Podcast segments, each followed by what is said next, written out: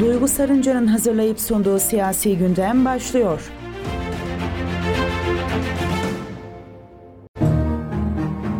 Kayseri Radar takipçileri ve frekansını 91.8'e ayarlamış Radyo Radar dinleyicileri Siyasi Gündem programıyla karşınızdayım. Ben Duygu Sarınca. Her hafta farklı bir konuğumuzla yerel siyaseti konuşuyoruz. Bu haftaki konuğum Saadet Partisi Siyasi İşlerden Sorumlu İl Başkan Yardımcısı Nuh Tosun. Hoş geldiniz. Hoş bulduk. Teşekkür ediyor. Saygılar sunuyorum. Sizin vesilenizle yine ekranlarında bizleri dinleyen veya radyolarında bize kulak kabartan tüm dinleyicilerimizi saygı, sevgi ve hürmetlerimle selamlıyorum. Saadet Partisi'nin adına hepsine hayırlı haftalar diliyorum. Haftanın ilk günü. Böylece Bismillah demiş olduk. Teşekkür ederiz. Ee, bizlere sorularınızı izlemiş olduğunuz sosyal medya hesaplarından ve 352 336 25 98 numaralı hattımızdan iletebilirsiniz diyorum. Sizi tanıyabilir miyiz diye Evet başlayalım. ben Nuh Tosun 1977 Yahyalı doğumluyum. Daha önce muhtelif defalar tabii adaylıklarımız Saadet Partisi adına oldu. 2009 yılında Koca Sinan, 2014 yılında Melik Gazi, 2019 yılında ise kendi ilçem olan Yahyalı'dan belediye başkan adayı olarak vatandaşlarımıza projelerimizi anlatmaya ve onların oylarına talip olmaya gayret ettik. Aktif olarak yine Saadet Partisi'nde siyasetimize devam ediyoruz. Bu vesileyle yaklaşan yerel seçimlerle birlikte e, yeniden e, ne olur ne biter onu bilemiyoruz tabi. E, süreci devam ettiriyoruz. Yine özel bir şirkette çalışma hayatına devam ediyoruz. Bir taraftan da ülkemizin ekonomisine döviz kazandırmanın, ihracatı artırmanın gayretinde çalışma hayatına devam ediyoruz. Peki siyasete girmeye nasıl karar verdiniz?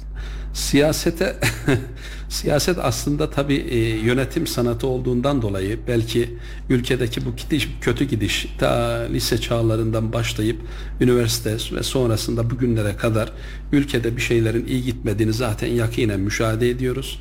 Yine e, biraz kitap okuduğumuz zaman bu ülke siyasetinde işte tek parti dönemi bitip çok partili hayata geçtikten sonra ve o günden bugüne kadar gelmiş olduğumuz süreçte gerçekten bu ülkenin e, güçlenmesi noktasında, bu ülkede yatırımların yapılması, dış politikada şahsiyetli bir dış politikanın olması noktasında e, belki de bunun daha da ötesinde e, Türkiye Cumhuriyeti Devleti kurulduktan beri belki de fetih yaptığımız tabiri caizse zafer kazandığımız en önemli husus neresidir? Kıbrıs diye baktığımız zaman ve bunun da ortağının milli görüş zihniyeti olduğunu gördüğümüz zaman burada siyaset yapmak, burada devam etmek. Tabi bunların sonrası da var. Kısa kısa dönemler Türkiye'nin ağır sanayi hamlesinin başlatılmasından tutun e, tam bağımsız Türkiye'nin kurulabilmesi, denk bütçenin yapılabilmesi, İslam Birliği'nin ilk adımı olan D8'lerin kurulmasına kadar sürece baktığımız zaman aslında toplumumuzun da Saadet Partisi'nin bu ülkeye ve bütün insanlığa olan katkısını çok yakinen görebilecektir. Dolayısıyla Saadet Partisi'nde devam etmek, kalıcı olabilmek hep bütün bu nedenler beni buraya itti ve böylece de Saadet Partisi'nde siyaset yapmaya devam ediyoruz. Bizim önceden şu an Türkiye Büyük Millet Meclisi Genel Başkanı olan Sayın Numan Bey bir dönem Saadet Partisi Genel Başkanlığını yaptı. Hatırlarsınız. Onun Güzel Saadet Partisi Genel Başkanı iken güzel bir tespiti vardı. Derdi ki siyaset iki şey için yapılır. Ya siyaseti küçük ideallerin vardır. Makama mevkiye gelme ve bu vesileyle etrafına çevrene menfaat sağlama aracı olarak yaparsın. Ya da bunun yanı sıra büyük ideallerin vardır. Fikri hareketin vardır ve büyük ideallerini gerçekleştirmek. O büyük idealler dediğimiz nedir? İşte ekonomide adil paylaşım, adalet sisteminde adaletin kamil manada uygulanması, dış politikada şahsiyetli dış politika vesaire gibi bu anlamda büyük hedeflerin, ideallerin vardır ve siyaseti onun için yapıyorsundur. Dolayısıyla Saadet Partisi özellikle küçük ideallerin değil, büyük hedeflerin ve büyük ideallerin partisi olduğu için Saadet Partisi'nde e, siyaset yapmaya devam ediyoruz. Son derece mutluyum. Son derece bu anlamda gönül huzuruna sahip birisiyim. Allah yardımcınız Allah razı olsun. olsun. Teşekkür Ee, Peki ederim. görev tanımınızı yapacak olsanız siyasi işlerden sorumlu Siyasi işlerden sorumlu İl il başkan başkan, yardımcısı. bir dönemde e, tabii aslında e, dış ilişkilerden sorumlu il başkan yardımcısıydık. Şimdi bu iki görevi birlikte de götürüyoruz. Dış ilişkiler Kayseri'de tabii Ankara ve İstanbul'da daha aktif olduğundan dolayı Kayseri'de biraz daha siyasi işler ki e, gerek yerel siyaseti, gündemi takip etmek, gerek genel siyaseti ve gündemi takip etmek bu anlamda il teşkilatımız başta olmak üzere ilde, ilçede vesaire e, söylem birliğinin oluşabilmesi noktasında bu raporları hazırlamak, düzenlemek şeklinde tarif edebiliriz. Biz de o açıdan aslında Saadet Partisi olarak şu an yerel seçimler yaklaşırken aslında biz olaylara üç çerçevede yaklaşıyoruz. Bunlardan bir tanesi e, bu ülke siyasetini yaparken mevcut yönetenlerin, mevcut ülkeyi yönetenlerin ve muhalif olarak bizlerin dış politika anlayışı nedir? Adalet mekanizmındaki anlayışımız nedir? Ve Türkiye'nin ekonomik e, serüveni nedir? Bu üç çerçeve üzerinde değerlendiriyoruz. O itibarla zaten buraya gelmeden de az önce paylaşmaya gayret ettik. E, kamera arkası kayıtlarda tabiri caizse işte en son yaşadığımız dış politikaya baktığımız zaman Yunanistan örneği. Yani sen bir yıl önce diyeceksin ki benim için o şahıs bitmiştir diyeceksin ve bir yılın sonunda tekrar Sayın e, Milletvekilimiz Mahmut Bey'in de geçenlerde meclis konuşmasında ifade ettiği gibi 22 yıldır bu iktidar e, ülkeyi yönetiyorsunuz. En az 22 kere U dönüşü yapmışsınızdır. Bu dış politikada böyledir, ekonomide böyledir. İşte NAS'tan geldiğimiz noktaya düşünsenize ekonomik belki onu da konuşacağız. Dolayısıyla bu çerçevede baktığımız zaman şayet dış politikanız şahsiyetli bir dış politika merkezli değilse, adalet mekanizmasınız mekanizmanız kamil manada adalet dağıtmıyorsa, ekonominiz bu anlamda gerçekten herkese eşit şekilde adil paylaşımı ortaya koymuyorsa, e, maalesef bu anlamda bu ülkede insanlar huzurlu değil, mutsuzdurlar ve bu mutsuzluğu da hep birlikte müşahede ediyoruz. Az önce yine e, sizleri de ifade ettik. Biz de organize sanayi bölgesinde çalışma hayatına devam ediyoruz. Bir taraftan nitelikli eleman bulma güçlüğü yaşarken öbür tarafta da yetişmiş elemanlarımızın bir bir bu ülkeyi neden terk etmek istediğini yüreğimiz yanarak müşahede ediyoruz. Önceki gün genç arkadaşlarla konuşurken ya sadece 2020-2021 rakamlarına değil 2023'te Avrupa'yı falan da geçtik. Meksika üzerinden Amerika'ya gitmeye çalışan Türk insan sayısına baksak bile her şeyi yakinen müşahede edeceğiz. İnsanlar Meksika üzerinden nehri geçerek Amerika'ya sığınmak, orada kendisi açısından bir yaşam sürdürebilmek, doktorlarımızın işte Almancayı öğrenip başta Almanya üzere olmak üzere diğer Avrupa ülkelerine gidiyor olması, gençliğimizde yapılan anketlerde bu ülke gençliğinin yüzde 75'inin minimum sayıda bu ülkeyi terk etmek istemesi maalesef bu ülkede ciddi manada ekonomide de dış politikada da siyasette de adalet mekanizmasında da çok ciddi problemlerin olduğunun bir neticesidir. Ondan dolayı bu insanlar burada yaşamak istemiyor ve başka yerlere gitmek istiyor. Bu anlamda taşımış olduğu kabiliyetlerini o ülkede bir yerlere aktarmak istiyorlarsa bu Türkiye açısından büyük bir kayıptır. Bununla ilgili bir an önce gerekli tedbirlerin alınması e, gerekiyor.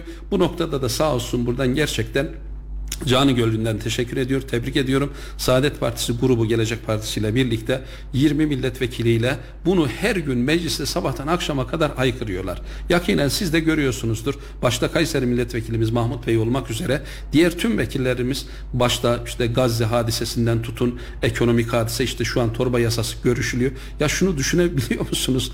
Torba yasa gündemde yani hiçbir şeyi konuşamadan, hiçbir hadiseyi müzakere etmeden adaletle ilgili hususta torbanın içerisinde içerisinde e, sosyal meselelerle ilgili hususta e, torbanın içerisinde eğitimle ilgili hususta torbanın içerisinde asgari ücretle ilgili ve hususta torbanın içerisinde bunlar tek tek müzakere edilmeden tek tek bu anlamda ortak akıl belirtilip de gerçekten bu toplumun e, hayrına olabilecek hususlar dile getirilmeden bunlar nasıl kaldır indir şeklinde çözülebilir ki ve çözülmüyor da her geçen gün bu sorunlar kangrenleşerek devam ediyor maalesef.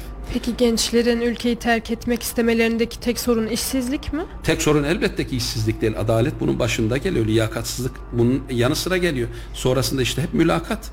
Hep mülakat işte sınavlara giriyorsunuz. Durmadan gençlerimiz başta KPSS olmak üzere kendi ilgili bölümleriyle, birimleriyle ilgili sınava giriyorlar. Yetmiyor ardından işte mülakat e, gündeme geliyor. Mülakatta da gerçekten e, ifade ettiğiniz manada bu mülakat adil mi yapılıyor yoksa birilerinin adamı olma noktasında birileri devreye girmek şu şu kazanacak şeklinde mi yürütülüyor? Bugüne kadar bunu da gördük. Ha gençler dolayısıyla bu işin ekonomik boyutu var. Ben neticede okulu bitirdim, mühendis oldum. Nitelikli olma gayreti içerisinde bu ülkede elde edebileceğim birikimle ne kadar süre içerisinde ben tabiri caizse evlenebileceğim, ev araba sahibi olabileceğim bu işin ekonomik boyutu. Bununla birlikte gerçekten liyakata önem veriliyor mu? Adalet mekanizması kamil manada işliyor mu, işlemiyor mu? Bu anlamdaki tereddütler maalesef gençlerimizin ülkeyi terk etmelerine sebebiyet veriyor ki ifade ettiğimiz rakamlar çok korkunç boyutlarda %75 seviyesinde o itibarla buna bir an önce çözümün bulunması gerekiyor. Ha çözüm noktasında biz bunu Saadet Partisi olarak sadece eleştirmiyoruz. Biz çözümün adresini de gösteriyoruz. Zaten vekillerimiz her geçen gün her gün sabahtan akşama kadar meclis kürsüsünde bu hakikatlere haykırmaya devam ediyorlar. Peki gençler siyasette bulunmalı mı, faaliyet göstermeli Kesinlikle mi ağırlıklı olarak? siyaseti ama ifade ettiğimiz gibi hep e, meşhur bir söz vardır. Küçük beyinler şahısları, orta beyinler olayları, büyük beyinler ise fikirleri konuşur. Dolayısıyla bizim gençlerimize özellikle fikirlerin konuşulabildiği, siyaseti de e, büyük ideallerin gerçekleştirilebilmesi noktasında bir aracı olarak görmeleri gerekiyor. Siyaseti sadece bir makama gelme, bu makamla birlikte kendisine, eşine, dostuna, etrafına bir çıkar elde etme mecrası olarak görmek değil, gerçekten bu ülke, bu ülkenin, bu bölgenin ve insanlığın hayrına vesile olabilecek adımların atılması olarak görmesi gerekiyor. Bu noktada kesinlikle gençlerimizin büyük beyinler fikirleri konuşur, fikirler mülahazınca, mülahazınca gelip siyaseti aktif olarak yapması ve bu ülkenin e, coğrafya kaderdir derler ama ne olursa olsun hep birlikte bu ülkenin ve bu bölgenin kaderini kendi ellerimizle almış olduğumuz doğru kararlarla ortaklaşa değiştirebiliriz diyorum. Peki iktidar neden değişmeli? İktidar neden değişmeli? Ya da değişmedi diyelim. 22 yıldır neden değişmedi, neden değişmeli? Dolayısıyla aslında AK Parti iktidarına baktığımız zaman ilk geldiği dönemde hatırlarsanız bunlar 3Y üzerine geldiler. İşte bizler yolsuzluklarla mücadele edeceğiz, yasaklarla ve yoksullukla. 22 yılın gün sonunda Z raporunu alıp baktığımız zaman tabiri caizse gün sonunda geldiğimiz noktada bu 3Y'nin de tam aksinin zirve yaptığını hep birlikte müşahede ediyoruz. Ne noktada müşahede ediyoruz? Yoksullukla mücadele edeceğiz dediniz. İşte önceki dönemde geçtiğimiz haftalarda Çalışma Bakanlığımız şaşalı bir video paylaşmış. Ne? Türkiye'de şu kadar e, konuta sosyal yardımda bulunduk. Buna kimse karşı çıkmıyor sosyal devlet ilkesi gereği. Hı hı. Ama siz sosyal yardıma muhtaç e, aile e, sayısı arttıkça aslında bu ülkede bir şeylerin iyi gitmediğinin göstergesidir bu. Hani meşhur biz Victor Hugo'dan e, rivayetle bir hususu dile getiriyoruz ya. Biz ortadan kaldırılmış yoksulluk istiyoruz. Siz ise yardım edilmiş yoksullar istiyorsunuz. Bu yüzden anlaşamıyoruz. Dolayısıyla Saadet Partisi minimize hale getirilmesi, yoksulluğun ortadan kalkabilecek hale getirilmesi, insanların çalıştığının karşılığını alabilecek ortamın oluşturulması, çalışanın da çalışanın da mutlu olduğu ahlaki değerler çerçevesinde bu sürecin yürütüldüğü bir Türkiye'yi arzu ediyor. Dolayısıyla siz daha önce şu kadar bin konuta şu kadar milyon aileye sosyal konut yaparken bu atıyorum 1 milyondan 2 milyona çıktı derseniz bu yardımı yaparken reklam güzel gözükür ama çok ciddi anlamda sosyolojik problemlerin olduğunun bir göstergesidir. Bu bir. İkinci olaraksa siz yoksullukla mücadeleyi söyledikten sonra yasaklar noktasında yasaklar noktasında Türkiye'de şu an bize vatandaşlar olarak bize sorulmasını geçtik. Hukuk camiası içerisinde mevcut hukuka güven oranı yüzde kaçlarda yerlerde sürünüyor. Hukuk camiasının kendi içerisinde. İşte en son yaşadığımız yasama yürütme arasındaki düelloyu görüyorsunuz ya komediye döndü. Bu ülke muz cumhuriyeti değil. Yasamadır, yürütmedir, yargıdır. Bu erklerin ayrı ayrı işlemesi ve birbiri arasında çatışmacı olmaması gerekir. Ama siz özellikle öyle bir durum ortaya koyuyorsunuz ki çatışmacı bir hale alıyor maalesef.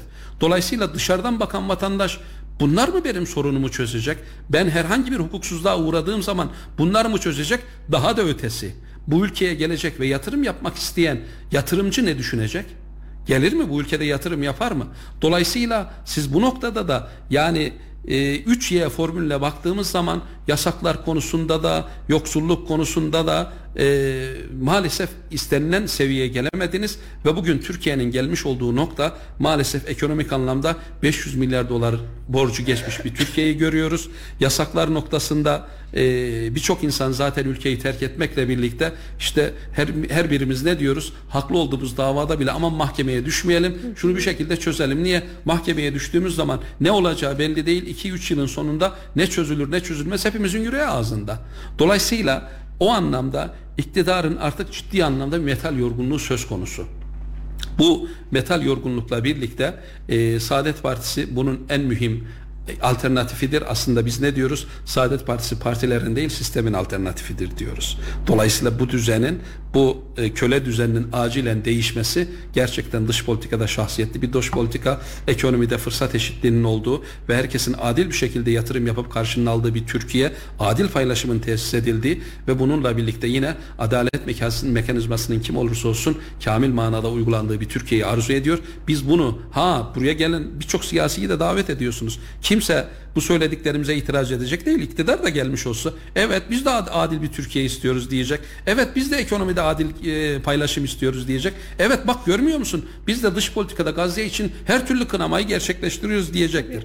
Ama biz somut adım atmak istiyoruz. Somut adım görmek istiyoruz. Biz milli görüş olarak bunun somut adımlarını attık. Somut göstergelerini ortaya koyduk. Gerçekten Kıbrıs Barış Harekatı'ndan tutun da Türkiye'nin bu anlamda güçlenmesi için atılmış olunan bugüne kadarki ağır sanayi hamlesinden tutun denk bütçeye kadar oradan tutun D8'lere kadar biz bunu yaptık da konuşuyoruz. Yapacağız edeceğiz demiyoruz. Yaptıklarımız gelecekte de yapacaklarımızın teminatı diyoruz. Yani Saadet Partisi bu bahsetmiş olduğunuz sorunları çözecek ilk Kesinlikle, kesinlikle. Hatta çok kısa süre içerisinde anlayış değiştiği zaman bak bir yerel seçimlere gidiyoruz. Evet. Önümüzdeki dönem bir yerel seçimlere konu da oraya gelmeden sadece onunla ilgili şu örneği vermem yeterli olacaktır kanaatimce. O da bizim Allah rahmet eylesin rahmetli oldu. Lütfi Kibiroğlu ağabey vardı. Bir dönem Eminönü henüz Fatih'e bağlanmadan önce iki dönem Eminönü Belediye Başkanlığımızı yaptı. Refah Partisi'nden o dönemde milli görüş anlayışı o şu örneği vermişti. Bir gün açılışa büyük bir çöp alanı olan alanı e, ıslah ettik. Bataklık ve çöp alanıydı. Orasını ıslah ettik ve oraya büyük bir yeşil alan park yaptık. Bunun açılışına rahmetli Erbakan hocamızı davet ettik. Açılışı yaptıktan sonra park alanında dolaşıyoruz. Hocamız bu yapmış olduğumuz hizmetlerden dolayı çok teşekkür ediyorum. Çok önemli bir vazife icra etmişsiniz dedikten sonra hayır hocam biz yapmadık bunu milli görüş anlayışı yaptı. Bizim bu anlayışa sahip olmamış olsaydık biz de aynı şekilde Çöp dağları hatırlarsanız işte eskiden 3Ç derdik ya çöp, çukur, çukur, çamur bunlardan geçilmezdi. Dolayısıyla e, aynı şekilde devam ederdi ama biz bu anlayışa sahip olduğumuzdan dolayı ülkede de ekonomik anlamda da düşünsenize israftan vazgeçtiğiniz zaman birçok gelir elde ediyorsunuz. Yolsuzluğu ortadan kaldırdığınız zaman bunu belediyeler açısından da biz hep ne diyoruz? Bak Saadet Partisi olarak biz geldiğimiz zaman belediyeleri aldığımız zaman ilk yapacağımız iş rüşvet alan da veren de melundur hadis-i şerifini bütün belediyelerin üzerine yazdırmak olacak. Bu anlayışı gördüğü zaman ha gelen vatandaş diyecek ki burada gerçekten herkese adalet dağıtılıyor Burada herkes hakkını alabilir. Kimseye e, iltimas geçilmez. Kim olursa olsun. Bu anlayışı e, yeniden daha önce nasıl ortaya koyduysak yarın da ortaya koyacağız diyorum. İnşallah diyelim. İnşallah. Yerel seçimlere gelmeden önce şunu sormak istiyorum. Kayseri için hedefleriniz neler? Saadet Partisi Kayseri'de neler yapacak? Neleri değiştirecek? Saadet Partisi olarak tabii Kayserimiz aslında e, yaşanabilir e, şehirler anketine bakıyoruz e, gelişmişlik anketine kişi başına düşen e, şehirlerin e, Türkiye'de zaten düşük de Kayseri'ye baktığımız zaman aslında Kayseri'nin bunların çok daha gerisinde olduğunu görüyoruz maalesef. E, dolayısıyla yaşanabilir şehirler noktasında biz e, mutlu ve müreffeh bu şehri nasıl bir hale getirebiliriz? Bu anlamda sadece e, ben yaptım olduğu mantığıyla değil, muhalefetiyle, iktidarıyla, e, mimarıyla, mühendisiyle hep birlikte oturup birlikte buna karar vereceğiz. Bu hepimizin derdi olacak. Bu şehir e, bu anlamda istenilen noktaya nasıl gelebilir? İlçelerin buraya taşınması işte en son dönem ifade ettiğimiz gibi Yahyalımızdan da belediye başkanı olduk. Taşralar boşalmış vaziyette. İnsanların yüzde doksan e, oranla şehrin merkezinde ve civarında yaşadığını görüyoruz. Dolayısıyla taşra bir bir bitiyor. Köy nüfusumuz tükeniyor. Dolayısıyla insanların bu anlamda doyduğu yerde, e, doğduğu yerde doyabilecek e, hangi alternatifleri geliştirebiliriz? Bunun üzerine ciddi manada kafa yormamız gerekiyor. Dolayısıyla e, biz e, şehri üç ana çerçevede her zaman bunu ifade ettik. Üç ana çerçevede planlamamız gerekiyor. Hep söylemiştik etiket, estetik ve mühendislik şeklinde. Etik dediğimiz işte rüşvet alanda veren de melundur hadis-i şerifinin sadece belediye değil bütün gönüllere bu anlamda işlenmesi gerekiyor. Dolayısıyla bunun ahlak demek işte etik dediğimiz. Sonrasında şehir estetiği. Yeniden işte bir deprem yaşadık. Allah başa vermesin vermesin bundan sonra yeniden riskli bölge olmakla birlikte umarız herhangi bir depremle karşılaşmayız. Dolayısıyla e, bu depremle birlikte bir hakikati bir kez daha gördük. Şehir dikey değil yatay yapılaşmalı. E kim yönetiyor bu şehri? Bu kararı kim alacak?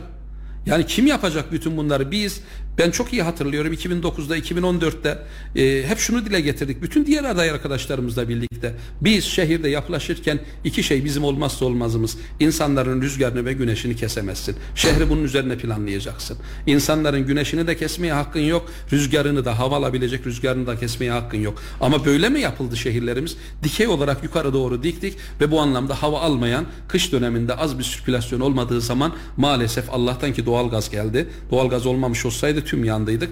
Dolayısıyla işte astım hastalarının daha çok sıkıntı çektiği, birçok hastalar hastaların meydana geldiği hadiseyi görüyoruz. O itibarla şehir yapılaşacak da bunu kim yapacak? Bunu hep birlikte ortak akılla birlikte karar alacağız. Şehrin bu anlamda depreme dayanıklı, insanların huzur içerisinde yaşayabilecekleri yeşil alanın faz, fazla olduğu, baktığı zaman gökyüzünü görebilecek, psikolojik anlamda da kendini rahat ettirebilecek bir yapılaşmanın olması gerekiyor. Bu çok zor mu? Çok zor değil aslında. Bütün mesele anlayış meselesi. Bütün mesele bunu yapabilirim bu nokta adım bu noktada adım atılması noktasında az önce ifade ettim ya e, sürekli e, Sayın Vekilimiz Mahmut Bey üzerinde durur.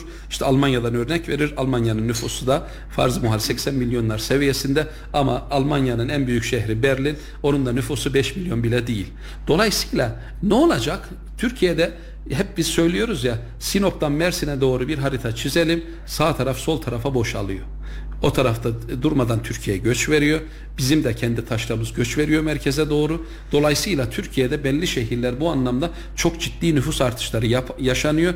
Dolayısıyla insanlar Türkiye'nin farklı yerlerinde doyamadıkları için doyabilecekleri alanlara hızla göç ediyorlar. Buna çare bulmamız lazım. Bu anlamda ülkenin demografik yapısının da değişmemesine dikkat etmemiz lazım. Bu da beraberinde sosyal problemleri getiriyor. İşte şimdi Suriyeliler gerçeği Tamam çok ciddi e, savaş dönemlerinde kabul ettik birçok şey yaptık ama bu e, örneğin e, şu an Hatay bölgesinde depremle birlikte şehir yerle yeksan oldu. Hatay milletvekilimiz de dile getiriyor. Ne yapıp yapalım? Hataylıların buradan göç etmemesi için gerekli tedbirleri alalım ki demografik yapı değiştiği zaman beraberinde farklı sosyal problemleri meydana getiriyor. Buna tedbir almamız lazım. O itibarla e, ifade ettiğimiz gibi biz e, Kayseri'de işte hızlı trenle ilgili bilmiyoruz e, 2029'a mı kaldı, 28'e mi kaldı, kaça kaldı bilmiyoruz. İşte sürekli söz veriyorlar.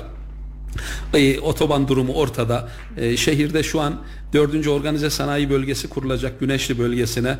Yahu diyorum Güneşli bölgesine kurulmasından yana değil önemli. Ama biz taşra ilçelerimizi içine alabilecek şekilde o taraf ilçelerimizi, öbür taraf ilçelerimizi onlardaki göçü durdurabilecek farklı yerlerde bu işi niye gerçekleştiremiyoruz? Niye oralara bu yatırımın gitmesini temin edemiyoruz? Niye bunlara o noktada e, imkan sağlayıcı adımları atamıyoruz? Bu da bizi hüzünlendiriyor. O anlamda Kayseri'nin geleceği noktasında güzel şeyler de oldu pek tabii. Bardağın iki tarafını da görmek lazım. Artı unsurlar olmakla birlikte diğer ifade ettiğimiz eksi daha fazla olduğundan dolayı şehri bu anlamda akil heyet terk ettiği zaman düşünebilen, şehre şehre katkı sağlayabilen insanlar bu şehri, bu ülkeyi terk ettiği zaman maalesef şehrin geleceği noktasında da endişe ediyoruz. Evet, peki ilçeden şehir merkezine gelen, göç eden insanların beklentisini karşılıyor mu Kayseri? Elbette ki hayır. Ha bunun farklı nedenleri var. Yani karşılaması mümkün değil. Ha bu e, ekonomik ortamda mümkün değil zaten. Hı hı. Düşünebiliyor musunuz Duygu Hanım? Şu an bu ülkede e, nas nas dediniz e, ek, e, faiz yüzde sekiz buçuklarını yüzde kırk politika faizini çıkardınız. Dolayısıyla bu bankalarda ne demek yüzde elli yüzde altmış seviyesinde.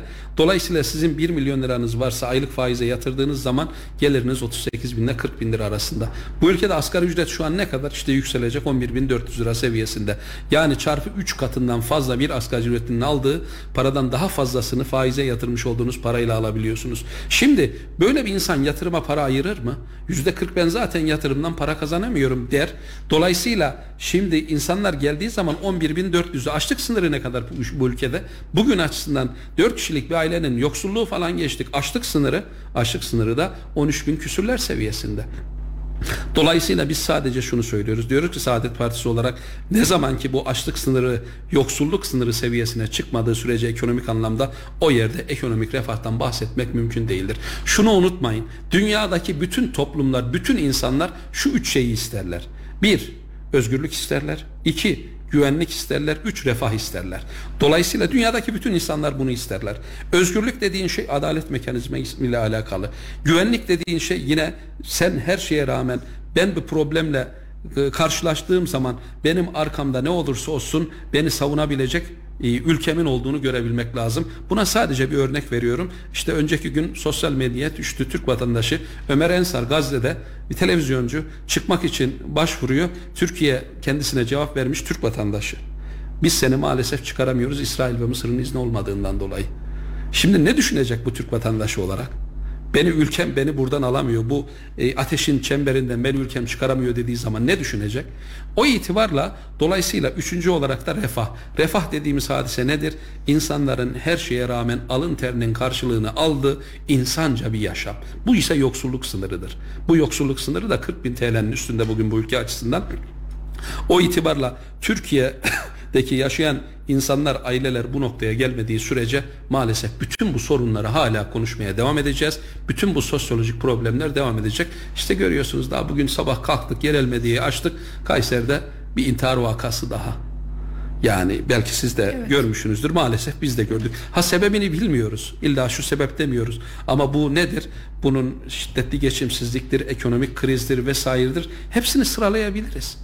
Ama bunu çözebilecek mekanizma kimdir? İcranın başında kim varsa sorumlu odur çözmesi gerekenler çözmeli. Psikolojik durumlar neyse, sosyolojik durum neyse, ekonomik durum neyse bütün buna da e, dair geniş bir vizyonla olayların üstüne, üstüne eğilmeli ve bu sorunların üstesinden gelmeli. Bunu da ancak başaracak Saadet Partisi. Onun dışında rahmetli hocamızın dediği gibi ıspanaktan yağ çıkmaz. AK Parti'den 22 değil bir 22 yıl daha geçse hiçbir şey çıkmaz o anlamda. Bunu da bir eleştiri olarak ifade etmiş olayım. Allah herkesin yardımcısı olsun. Amin, İnşallah böyle haberler görmeyiz. E, yerel seçimlere geldiğimde 2019'dan başlamak istiyorum. Evet. Yahyalı Belediye Başkan adayı evet. olarak nasıl bir süreçte neler? Aslında yaşandı? çok güzeldi gerçekten özellikle e, Yahyalımızda çok kısa bir süre içerisinde biz bir ay kala zaten bütün ilçelerimiz açıklanmış. Yahyalımız için açıklanmamıştı. e, o itibarla ayağımızın tozuyla yine yurt dışındaydık. Bir yurt dışı dönüşünde sağ olsun arkadaşlarımız teveccüh buyurdular. E, biz de aday olduk. Bir ay içerisinde ulaşabildiğimiz birçok yere ulaştık. Ama biz şunu gördük gerçekten e, nereye gidersek gidelim gençlerimiz bizim söylemlerimize kulak kabarttı. Üzerinde en çok durduğumuz şey az önce ifade etti. Belediyecilik artık sadece çöp çukur çamur demek değil. Sadece oraya işte kaldırımını yapmak demek değil. Bunun ötesinde, bunun ötesinde topyekün belediye ile ilgili kurumlarla birlikte koordineli çalışmak suretiyle ilçelerimizin e, göçünün önüne nasıl geçebiliriz? İlçelerimizde sosyolojik anlamda huzur ve barışı nasıl temin edebiliriz? Bütün farklılıklarımıza rağmen huzur içerisinde nasıl, nasıl yaşayabiliriz? Bunu sadece belediye değil aslında bütün kurumlarla koordineli halde yapması gerekir. Biz bunun üzerinde durduk. Dedik ki işte biz Yahyalımız bak şuradan şu nüfustan şu nüfusa doğru azalmış. Doğru orada madencilik var, turizm var, e, tarım var, elmacılıkla ilgili. Bunu sanayiyle beslemediğimiz sürece bu ilçe göç vermeye devam edecek. Bunu nasıl yapacağız? Bunu da hep birlikte koordineli bir şekilde Ankara'nın kapılarını aşındırmak suretiyle bütün hakkımızı talep etmek suretiyle gerçekleştirebiliriz. Bunu yapabiliriz dedik ve gerçekten inanabiliyor musunuz? Gençlerimiz aslında bize kulak kabarttılar. Ve bu da yüzde yirmi oy olarak bize döndü. Ben kesinlikle evet. o anlamda gençlerimizi takdirle karşılıyorum. Çünkü biz farklı konuştuk.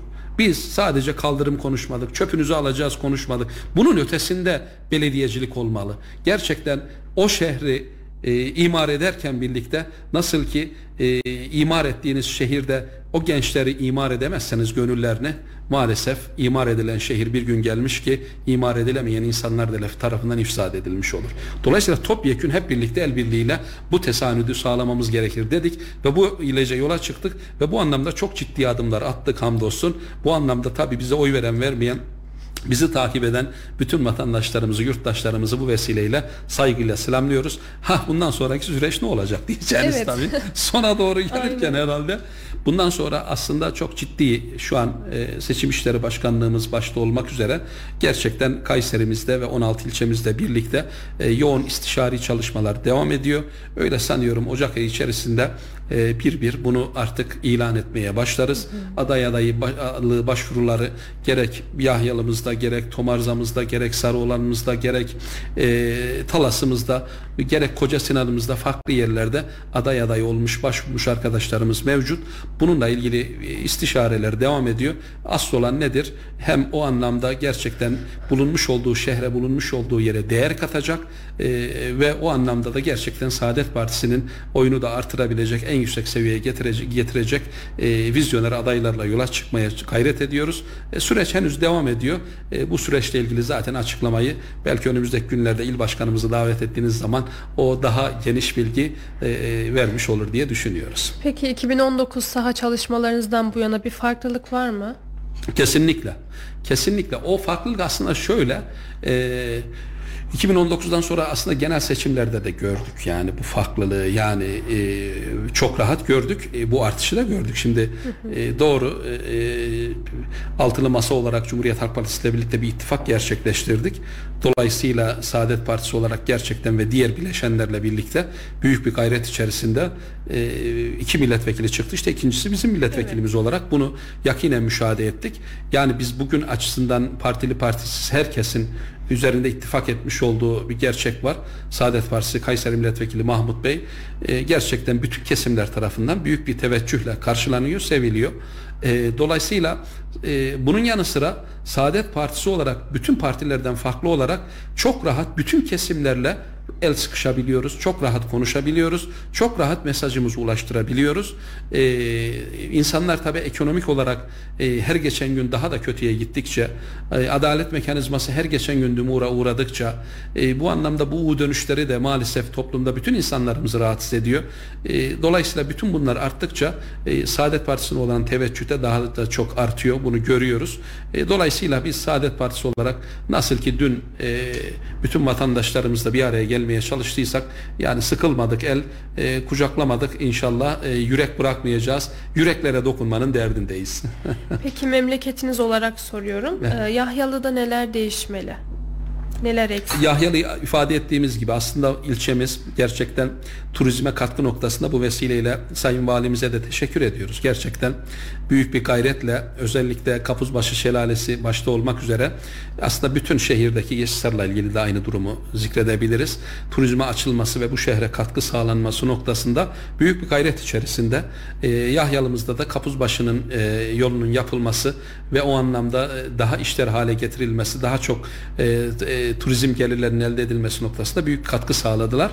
Bununla birlikte tabi ifade ettiğimiz gibi madencilik ve tarım özellikle ilçemizde önemli olmakla birlikte bunu ne yapıp yapıp artık sanayiyle beslemek zorundayız. Hı hı. Ne yapıp yapıp orada Yahyalı'nın, Yeşilsar'ın, Develi'nin içinde olduğu e, bu e, üç ilçeyle birlikte üç ilçeye belki eşit mesafede bir yerinin bulunup bir şekilde e, organize sanayiyle birlikte, sanayi yatırımlarıyla birlikte o ilçelerimizdeki göçün önlenip, Kayseri'ye olan göçün önlenip insanların e, doğduğu yerde doyabilecek ortamların oluşturulması gerekiyor. gerekiyor. O işin bir tarafı. Öbür taraftan tabii şu an yine başta elma olmak üzere e, Yahyal'da yetişen meyvecilikle ilgili bunun endüstriyel olarak yapanlar var.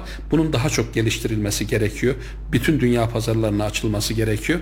Dolayısıyla bu noktada da e, mevcut belediyemizde zaten bununla ilgili çalışmakla birlikte yeterli mi? Değil. Yeterli olabilmesi için buna daha büyük bir vizyon gerekiyor. O vizyon da orada olmadığından dolayı e, biz geldiğimiz zaman inşallah ortaya koyacağımız vizyonla e, Yahyalımızdaki endüstriyel ürünlerin de birçok dünya pazarına açılması noktasında gayret edeceğimizi şimdiden ifade etmek istiyorum. İnşallah. Peki evet. Yahyalı'da vatandaşların ya da şehir merkezinde vatandaşların talebi ne oluyor sizden?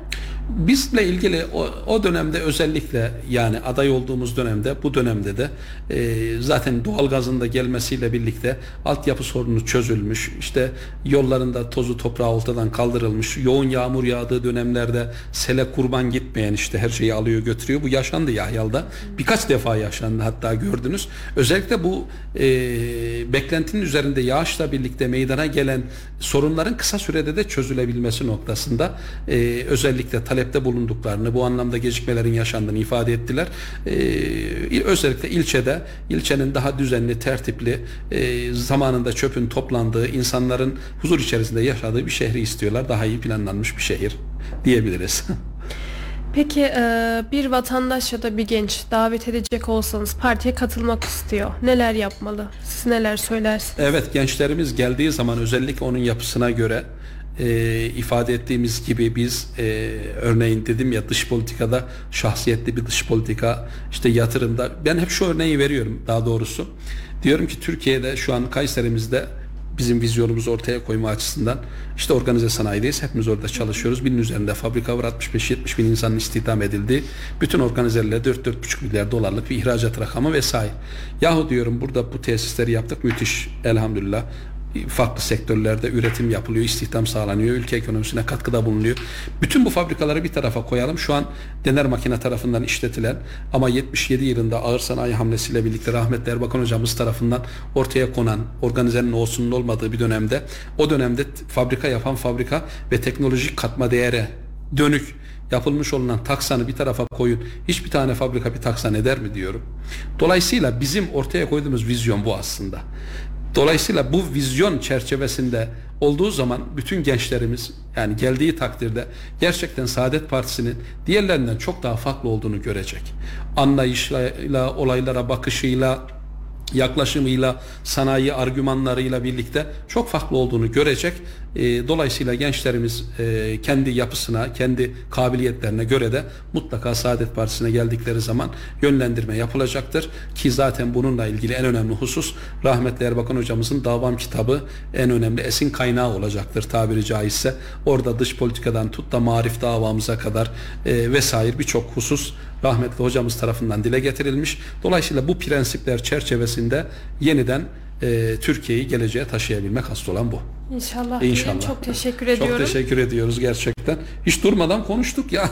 evet az ve öz oldu aslında Allah güzel razı oldu. olsun. Eklemek İnşallah. istediğiniz şeyler var Ee, Bu vesileyle çok teşekkür ediyorum. İnşallah e, seçimlere, yerel seçimlere de giderken özellikle bizi takip etmekte olan kardeşlerimize, vatandaşlarımıza, yurttaşlarımıza Saadet Partisi adaylarını bu anlamda takip etmeleri, desteklemeleri ve bu noktada kafalarında her ne soru varsa her daim partimize gelebilir, bize iletebilirler. Biz bütün vatandaşlarımızın bütün suallerine, taleplerine iştenlikle cevap verebileceğimizi ifade ediyor. Hepinize saygılar sunuyor. Çok teşekkür ediyorum. Biz de teşekkür ediyoruz. Ee, sevgili izleyicilerimiz yayın tekrarına Facebook'ta Radar Kayseri, Kayseri'de trafik kaza gündem, Kayseri'de son dakika işte radar ve radyo radar, YouTube Kayseri Minet, Instagram Kayseri Radar sayfalarından ulaşabilirsiniz. Haftaya yeniden farklı bir konuğumuzla sizlerle oluncaya dek hoşçakalın. Duygu Sarıncar'ın hazırlayıp sunduğu siyasi gündem sona erdi.